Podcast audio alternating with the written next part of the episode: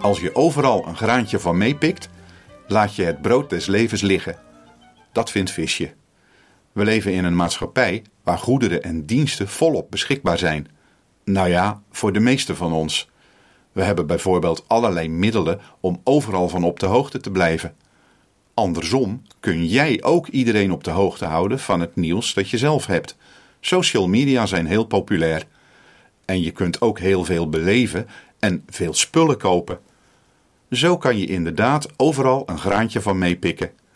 Maar door al die drukte kun je het brood des levens laten liggen. Jezus zegt daarover dat hij dat zelf is. In Johannes 6, vers 47 en verder staat: Waarachtig, ik verzeker u, wie gelooft, heeft eeuwig leven. Ik ben het brood dat leven geeft. Uw voorouders hebben in de woestijn manna gegeten, en toch zijn zij gestorven. Maar dit is het brood dat uit de hemel is neergedaald. Wie dit eet, sterft niet.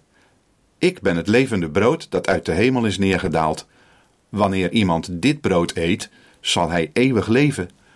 En het brood dat ik zal geven voor het leven van de wereld, is mijn lichaam.